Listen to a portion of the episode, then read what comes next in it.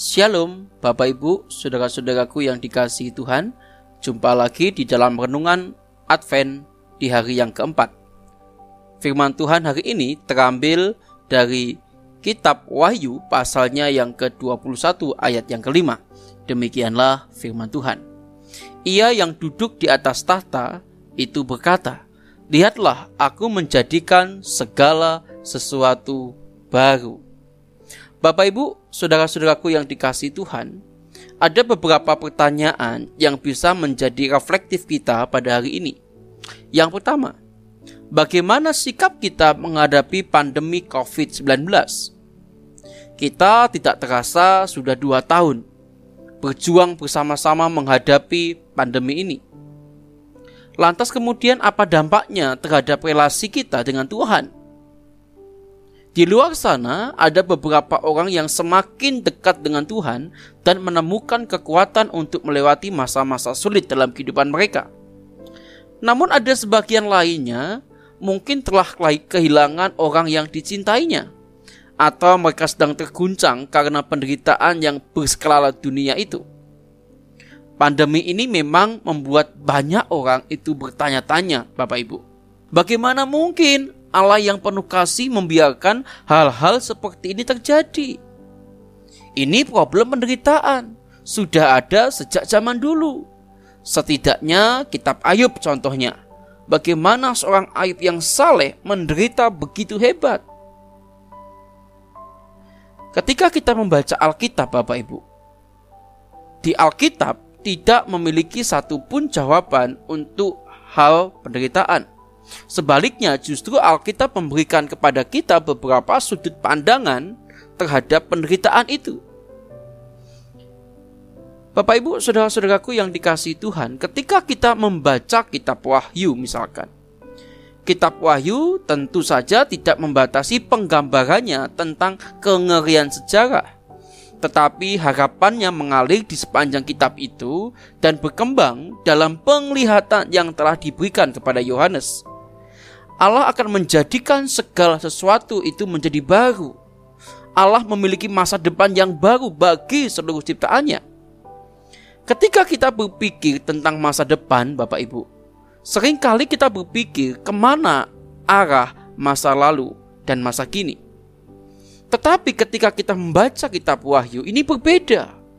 Sebagaimana hanya Tuhan yang dapat mencipta, maka hanya Tuhan pula yang dapat memperbarui seluruh ciptaannya. Dimulai dengan kebangkitan Yesus, satu hal yang baru yang mengubah segalanya. Dalam kehidupan yang diubahkan oleh Roh Kristus, kita telah mencicipi masa depan yang baru. Masa depan itu sendiri jauh melampaui apa yang dapat kita bayangkan, Bapak Ibu. Tetapi Bapak Ibu Saudara-saudaraku yang dikasih Tuhan, penglihatan Yohanes di dalam kitab Wahyu dicatat di sana. Penglihatan itu mengajak kita untuk mengarahkan pandangan kita ke gunung yang tinggi di dalam ayat 10 pasal 21. Di mana Yerusalem baru itu turun dari surga. Dengan matanya kita bisa melihat lebih jauh dari yang biasa kita lihat. Adapun yang menjadi pusat dari masa depan yang baru adalah siapa? Allah. Lihatlah kemah Allah ada di tengah-tengah manusia dan ia akan diam bersama-sama dengan mereka. Mereka akan menjadi umatnya dan ia akan menjadi Allah mereka. Ayat yang ketiga. Nah Bapak Ibu saudara-saudaraku yang dikasih Tuhan. Inilah yang selalu menjadi tujuan Allah bagi kita ciptaannya Inilah yang seharusnya akan membuat kita menjadi pribadi-pribadi yang berbeda. Ketika kita berbagi penglihatan dengan Yohanes, bukan hanya impian yang kita imani, Bapak Ibu. Hal ini memberikan kita harapan untuk hidup. Kita dapat memulai hidup sesuai dengan apa yang Allah janjikan, dan itu akan membuat kehidupan yang sekarang kita jalani menjadi berbeda dalam segala hal. Karena Allah menciptakan segala sesuatunya menjadi baru. Kiranya Bapak Ibu Saudara dalam masa Advent ini semakin punya pengharapan di dalam Tuhan. Karena dengan kita punya pengharapan bersama-sama dengan Tuhanlah, kita bisa melewati masa-masa sulit seperti sekarang ini. Kiranya Tuhan memberkati kita sekalian Bapak Ibu.